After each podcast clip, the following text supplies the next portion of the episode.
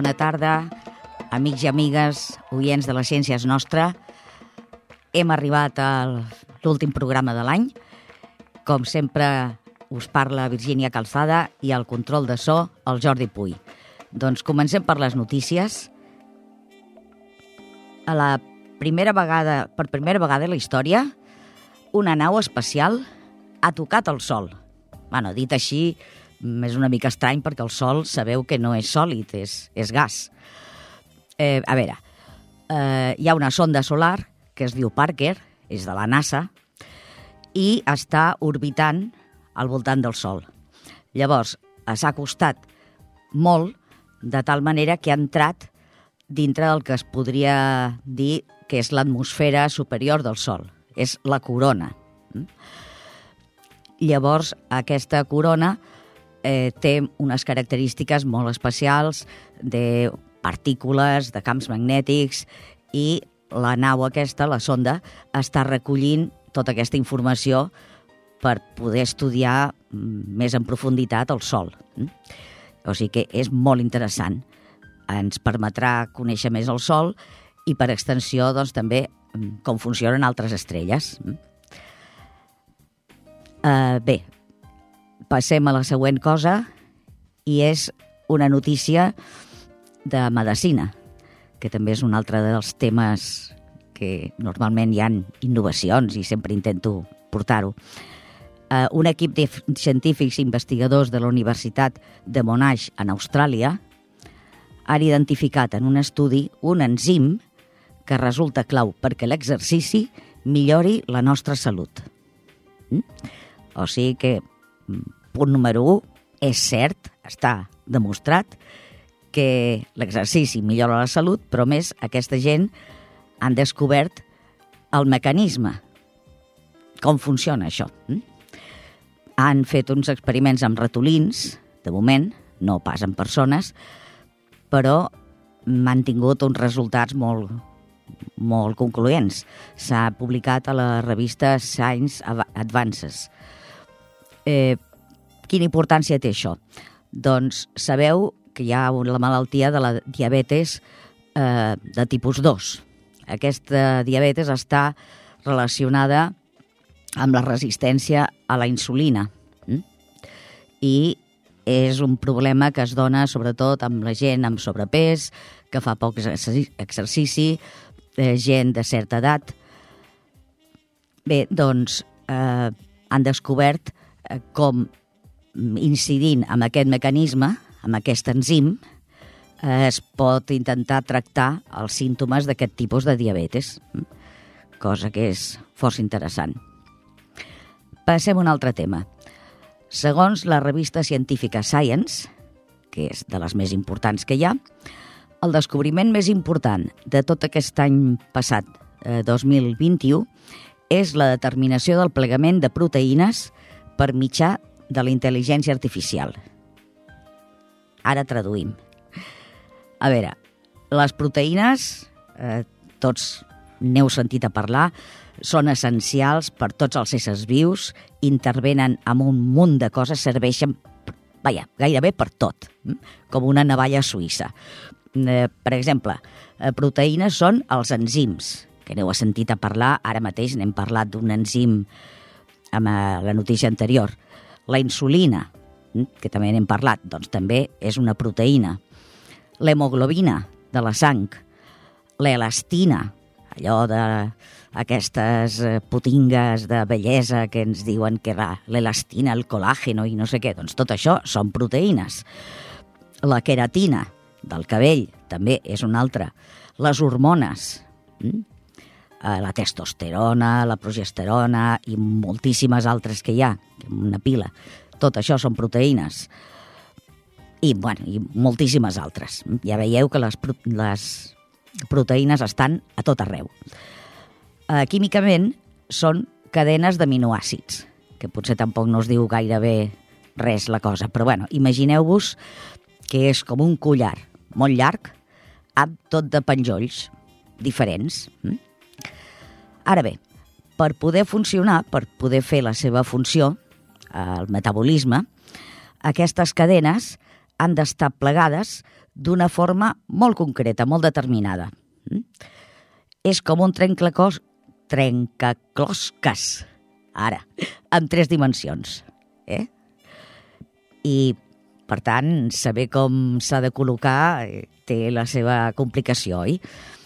I llavors, la gràcia és que ara, amb la intel·ligència artificial, puguem conèixer aquesta estructura tan complicada d'una proteïna, eh, només coneixem la seqüència lineal dels aminoàcids.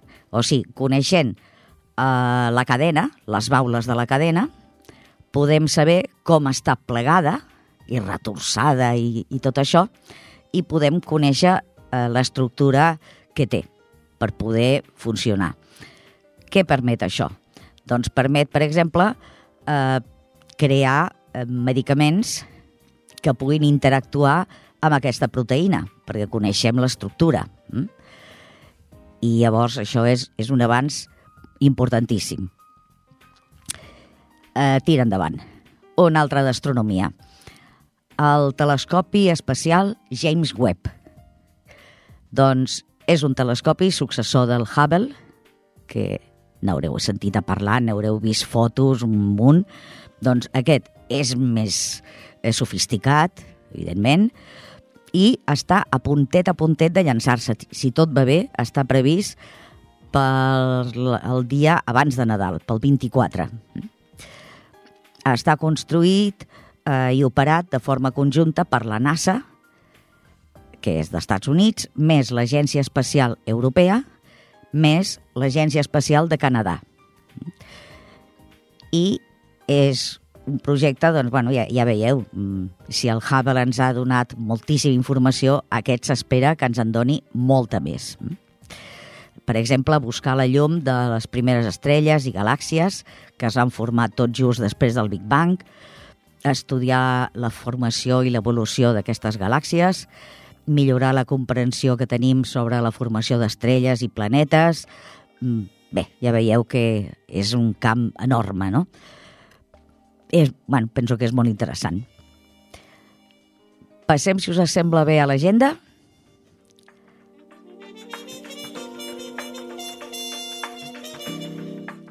A l'agenda tenim unes quantes activitats per infants, joves, eh, familiars, eh, malauradament són totes a Barcelona. Aquí a Ripollet no n'he pogut trobar res de concret, però bueno, ens queden bastant a la vora.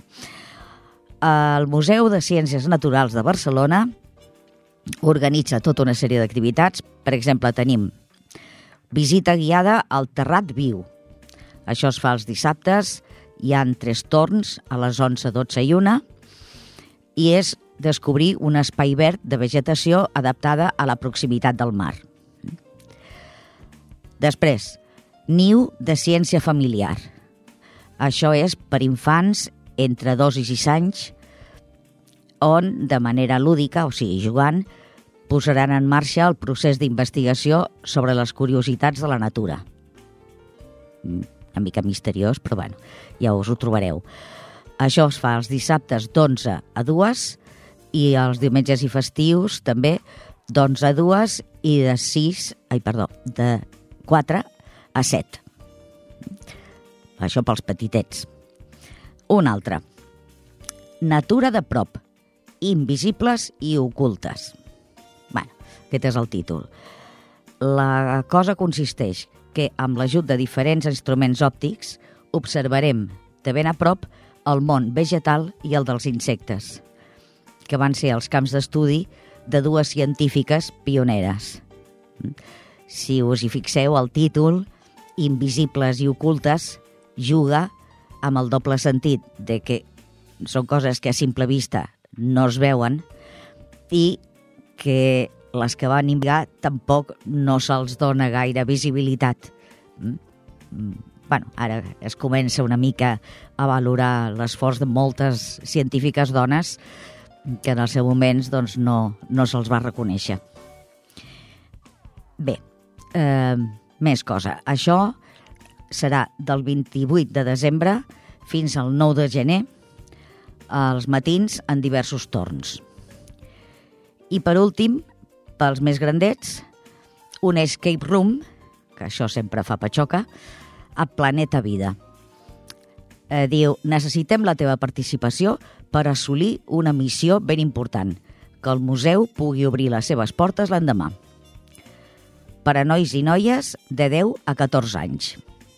Això serà el dimecres 29 i dijous 30 de desembre de 17.30, o sigui, de les 5 i mitja a les 7. És una activitat de pagament, les altres eren totes gratuïtes. Aquestes són 16 euros per grup. I per grup s'entén 4 nois o noies més una persona adulta acompanyant. O sigui, són 16 euros però per les 5 persones. L'adreça és a la plaça Leonardo da Vinci, números 4 5, a Barcelona. Teniu tota la informació al web, agafeu, paper i llapis, museuciències.cat.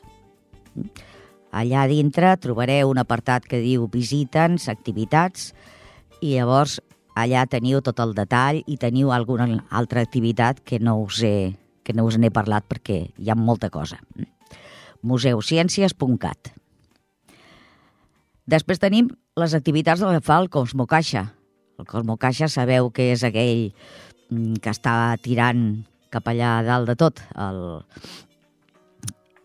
Eh...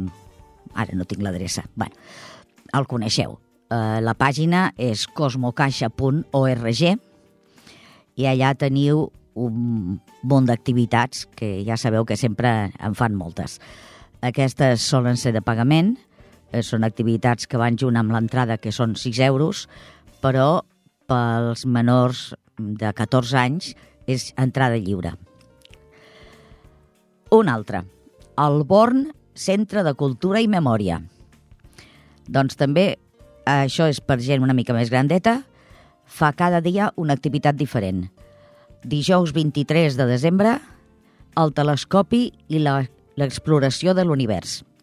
Divendres 24, la revolució del color, vestit i estampació. Dilluns 27, la cartografia i l'art d'il·lustrar el món.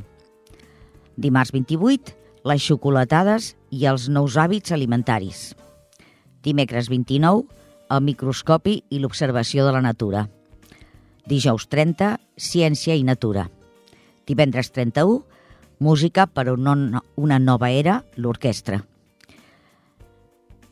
I llavors ja, l'any 2022, tenim el 3 de gener, el nou ritme del motor de vapor, dimarts 4 de gener, imaginar allò desconegut, els llibres i la impremta, i dimecres 5 de gener, inventar per aprendre, les joguines del futur. Tot això es farà entre les 10 i les 2 al matí i el preu són 5 euros. Però vaja, jo m'hi apuntaria. Eh, fa molt, molt bona pinta. Metges,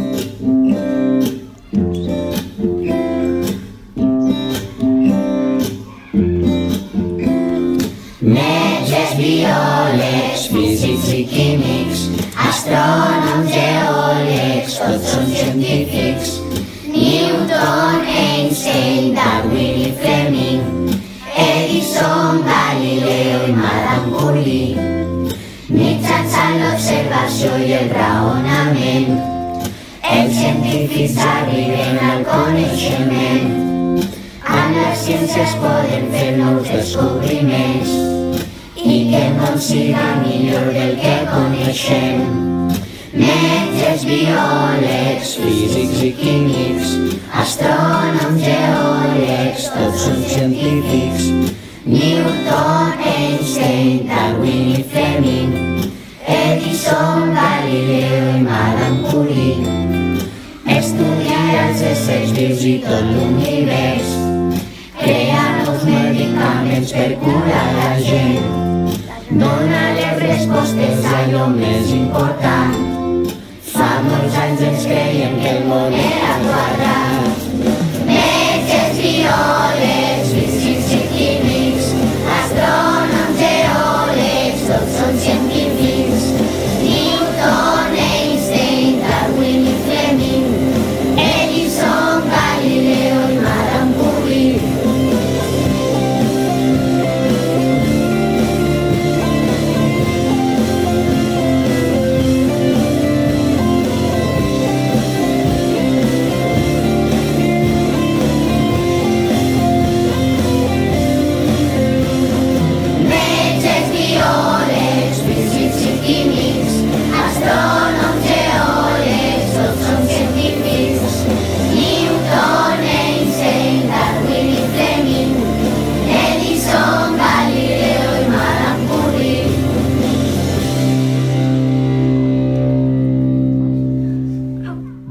les portes de Nadal i ara, mm, clar, tenim els regals per eh, fer-nos tant per als petits com pels més grans, els adults, per tothom, no?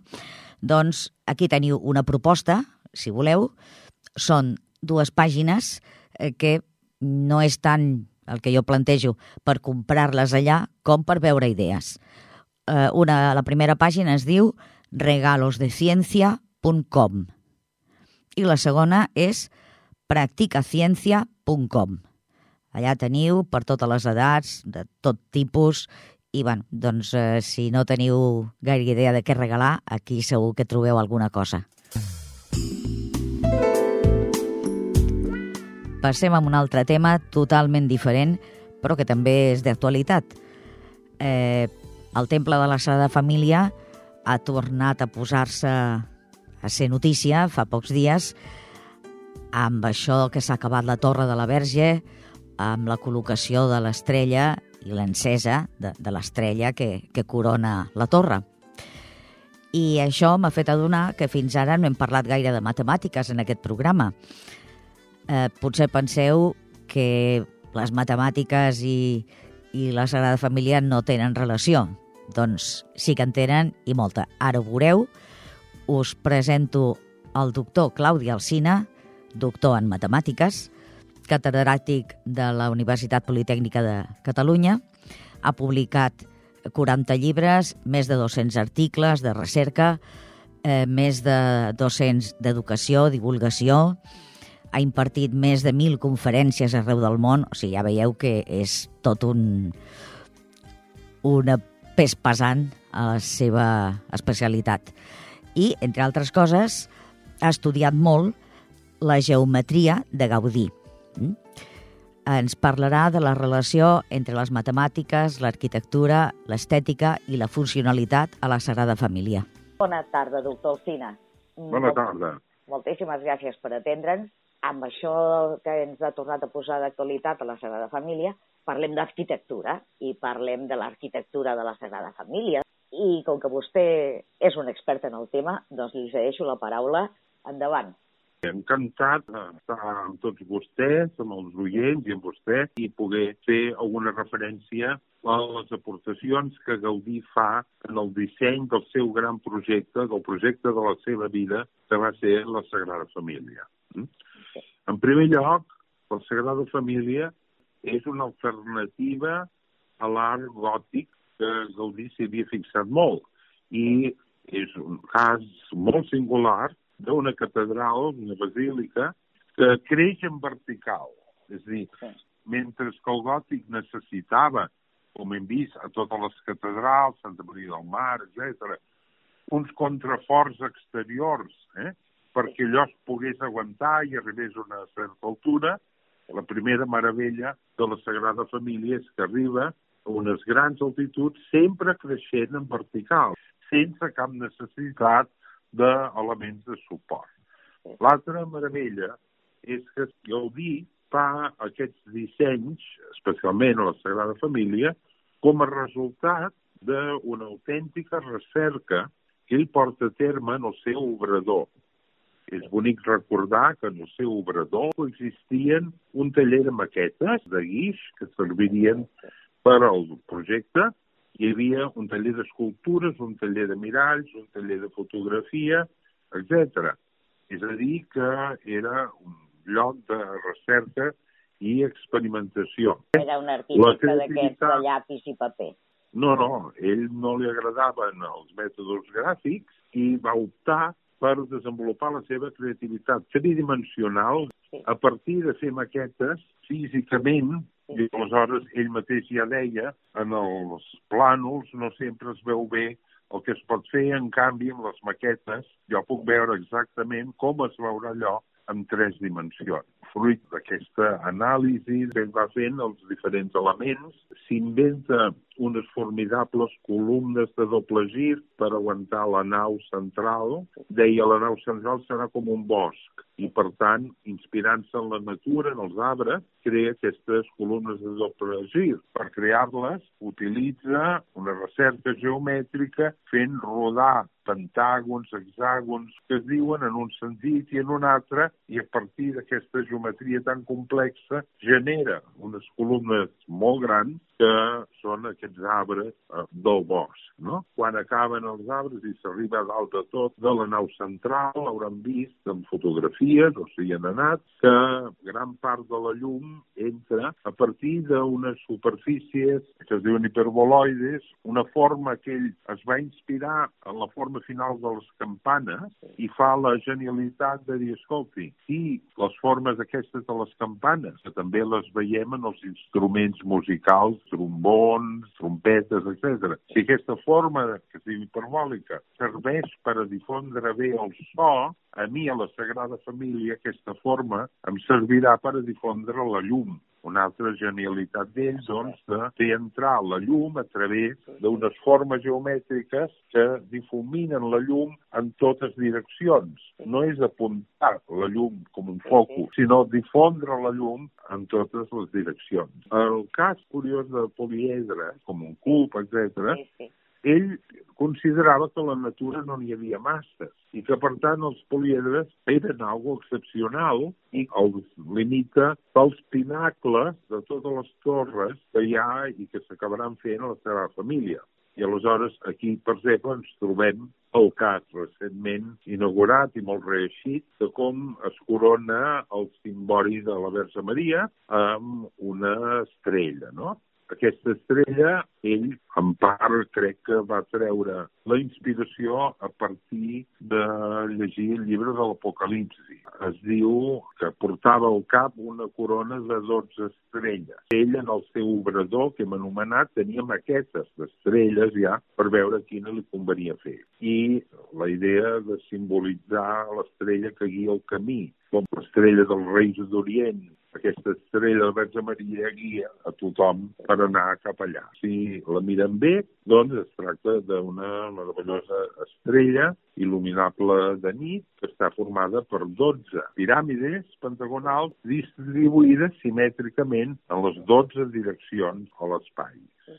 Aquí ens ha sortit ara el número 12, doncs bé, una cosa que és bona de saber, per exemple, i que vam descobrir, és que el número secret de la Sagrada Família és el 12.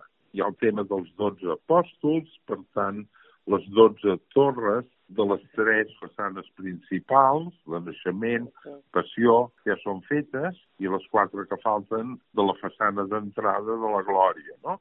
Doncs bé, hi ha aquest, els 12 apòstols simbolitzats amb aquestes torres, però després ell agafa el 12 i diu 12 és 2 per 6 i és 3 per 4. I aleshores usa aquest 2, aquest 6, aquest 3 i aquest 4 per fer un sistema de proporcions entre les mides de la Sagrada Família. La Sagrada Família té un mòdul amagat, des de 7 metres i mig, i un sistema de proporcions que és un terç, dos terços, un quart, un mig i tres quarts. Això vol dir que si a la nau central la llargada en profunditat és 90 i l'amplada 60, el dividir 60 per 90 surt aquesta proporció. I així es va trobant el, el número 12 utilitzat, els seus divisors, de forma subliminal en tot el disseny que ell va realitzar. El gran simbòric que falta és el central de Jesucrist, i aquest cimbori, en lloc d'una estrella, acabarà amb una creu tridimensional, una creu d'aquestes que tenen quatre braços, i eh, s'hi podrà accedir. Això és també extraordinari, poder accedir-hi i des de dalt, des dels braços d'aquesta creu, que faran 15 metres, poder passejar i mirar a través d'uns miralls que hi haurà, poder mirar tot Barcelona des del lloc que serà el més alt ell va dir jo no puc anar més amunt del que Déu va anar amb la muntanya de Montjuïc i per tant no arriba a aquesta altura amb el simbori de, de Jesucrist. Però bé, eh, no va mirar el Tibidabo i hagués pogut anar molt més amunt. Eh? I jo crec que és remarcable que eh, Gaudí va deixar dir com es tenien que acabar aquestes coses, però que d'ençà de la seva mort del 1926 hi ha hagut moltíssims arquitectes, enginyers, eh, gent de forja, gent de ceràmica, vitralls, etc., que han anat contribuint a fer possible aquest acabament excepcional de la Sagrada Família. És una obra col·lectiva ara, on es segueix al peu de la lletra les indicacions que ell va deixar, però on s'ha de materialitzar amb coses d'avui en dia, els materials a usar, l'electricitat, la tecnologia de les grues, en fi, s'ha d'utilitzar el que avui en dia dona de si per a la construcció d'un temple que serà la nostra icona, París té la Torre Ciel, Barcelona tindrà la Sagrada Família. Per tant, jo crec que hem d'estar a Catalunya orgullosos de poder acabar un gran projecte i poder-lo compartir amb la gent des de l'admiració d'un home hi va posar imaginació, paciència i moltíssim treball, també de matemàtiques i de geometria. No és només que sigui original, sinó que és que hi ha tot uns càlculs molt ben fets, no? Això no és només per donar la nota de, mira, jo ho faré diferent. Per exemple, doncs, no, no. parlàvem de les paràboles, de les catenàries, tot això. No és per voler ser diferent, no? No, no, però usa els recursos que troba en formes geomètriques sí. per resoldre un problema. Per sí, tant, sí, si ell vol crear una escala per pujar cap amunt des de la nau central, sí. doncs ell crea l'escala de cargol, i l'escala de cargol és una cosa, evidentment, geomètrica, amb un cilindre i els graons al voltant, i per tant això li permet resoldre l'accés d'un lloc a l'altre. Per tant, és un repertori molt ric sí, i que, a més, s'ha pogut anar recalculant amb el temps. Hi ha tem, algun tema que Gaudí ni s'havia plantejat, per, per exemple, el tema dels vents vents forts i els terratrèmols, no? Clar. Doncs va ser, va ser necessari que precisament en Joan Margarit i en Carles Buixader recalculessin coses per fer possible i tenir la seguretat que avui en dia doncs, aquest temple tan alt resistirà qualsevol mena de terratrèmol o de vents forts que hi puguin haver. No? Que potser eren coses que en el seu moment no tenien la possibilitat de, de tenir-ho en compte. No? No, sé. no, no, però avui en dia sí, per tant s'incorpora. Sí, eh? sí, sí. I per tant hi ha una actualització que s'ha d'acceptar, doncs al final quan l'acabin podran posar una placa molt gran amb tot el llistat dels grans col·laboradors que han fet possible culminar aquesta obra. Doncs esperem que ara ja falta poquet, que la puguem veure acabada i que puguem contemplar per dintre i per fora doncs, tots aquests elements tan impressionants. És un goig tenir-lo aquí, a casa nostra, i que tanta gent vingui a Barcelona motivats per la visita d'aquest temple. Doncs moltíssimes gràcies, doctor Alcina, per aquestes explicacions i esperem comptar amb vostè alguna altra vegada més endavant. Quan vulguin. Parlar de matemàtiques sempre estem a punt. Doncs moltíssimes gràcies, doctor Alcina. A vostès. Parlant de Sagrada Família, us convido a escoltar la peça Sagrada Família del musical Gaudí, obra del compositor català actual Albert Guinovart. Serà una nau del tot oberta.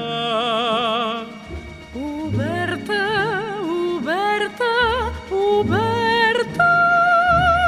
I el dolor del món hi obtindrà el consol de la llum del sol. De la llum del sol. Llum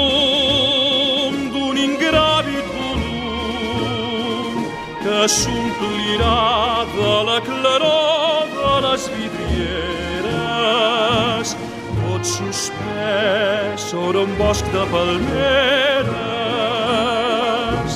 Tot suspès sobre un bosc de palmeres.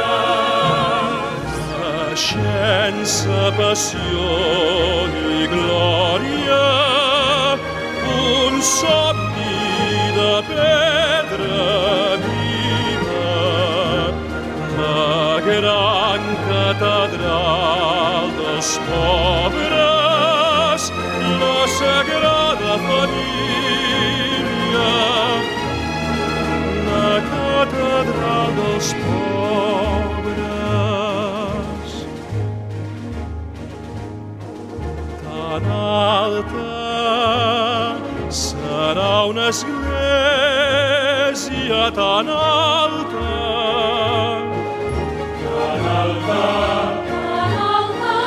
tan alta, que serà el primer que els vaixells veuran quan arribaran. Els vaixells veuran.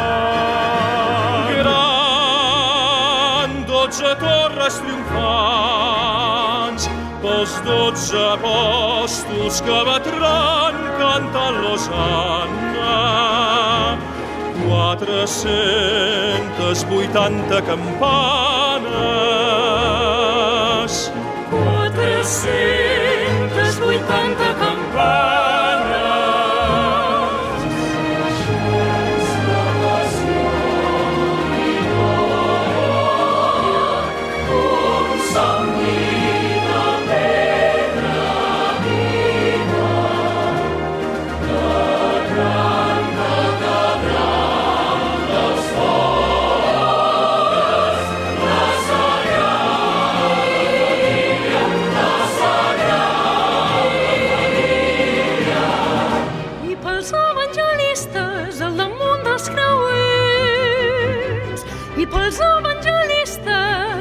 Quatre torres més i el Sansa per sobre la Verge Maria i per sobre de tot i per sobre de tot la gran creu.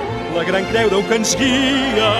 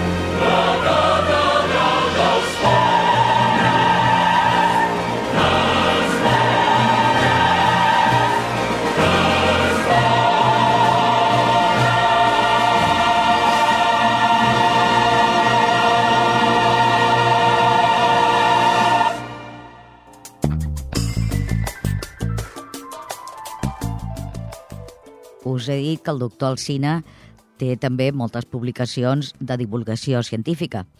Doncs aquí teniu un llibre que es diu Todo está en los números. Està només en castellà.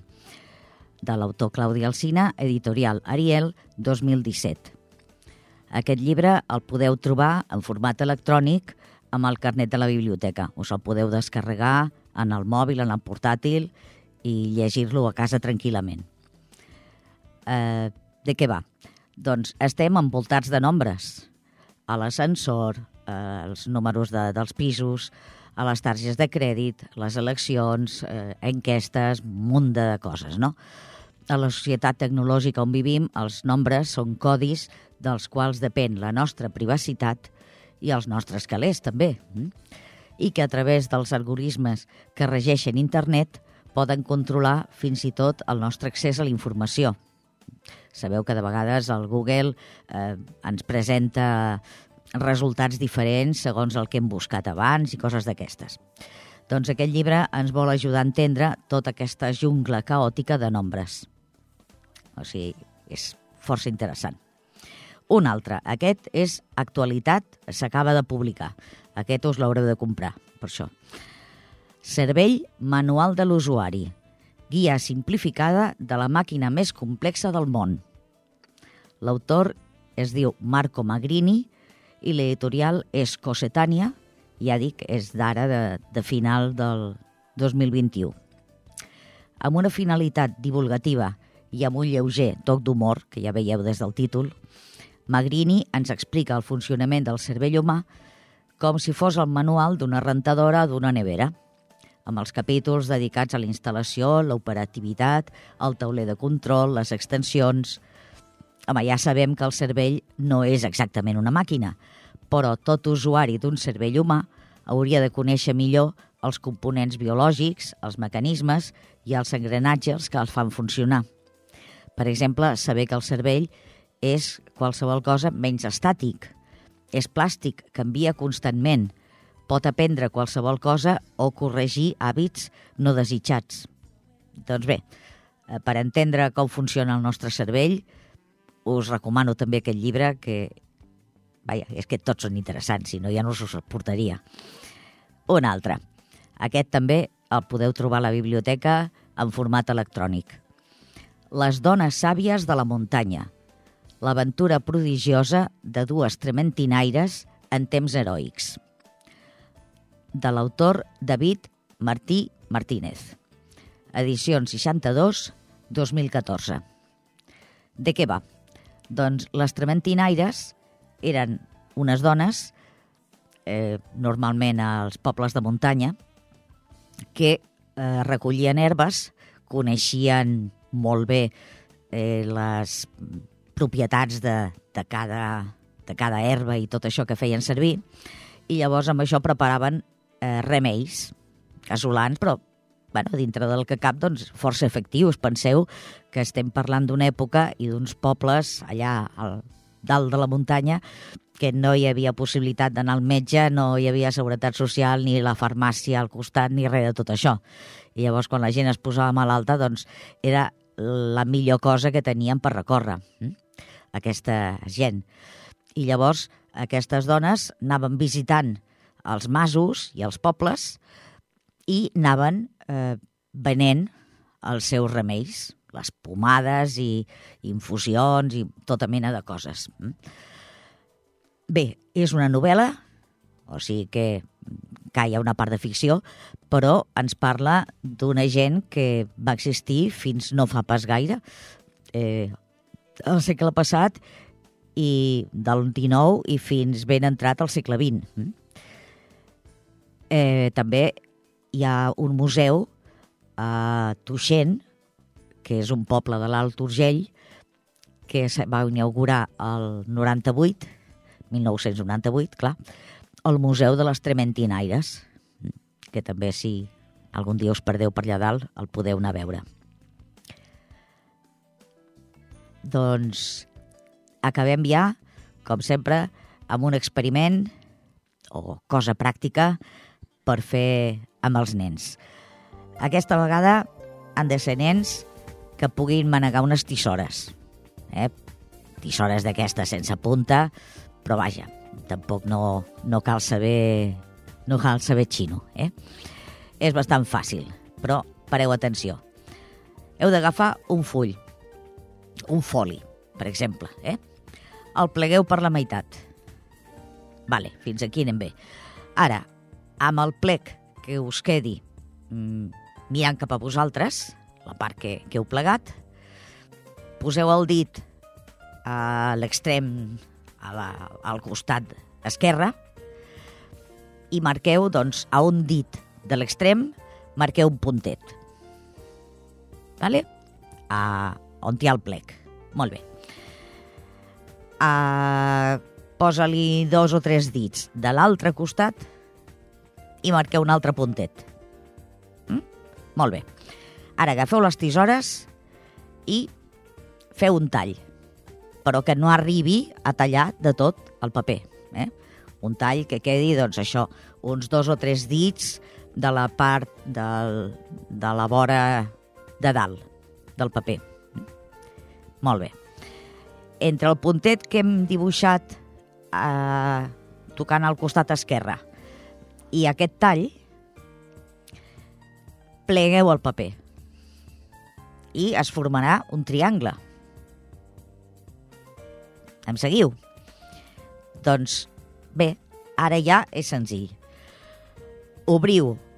Eh, primer heu d'aplastar ben bé el plec aquest del triangle perquè quedi ben marcat. I marqueu-lo eh, per un costat i per l'altre. Mm?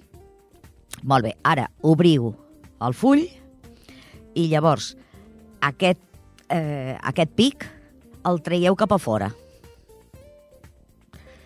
I veureu que us queda una forma com d'un pi. Amb una mica d'imaginació, doncs ens quedarà un pi.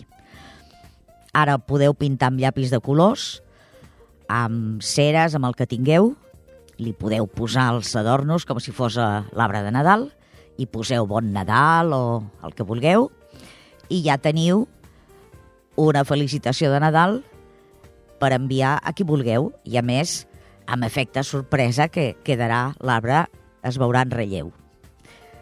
Jo us aconsello que primer ho feu amb un paper senzill i després, quan ja veieu com funciona, ho feu amb una cartolina que sempre quedarà més maco. Eh? I fins i tot, si a, per la part de fora hi enganxeu una altra cartolina, perquè no es vegi el forat, doncs encara quedarà més polidet. Però la idea és senzilla. Amb això acomiado el programa, acomiadem l'any aquest, que a veure si el deixem de banda i entrem en un altre que sigui millor per tots plegats. Felices festes, cuideu-vos moltíssim, si us plau, eh, vigilem uns pels altres i ens trobem aquí l'any vinent. Bones festes i a reveure.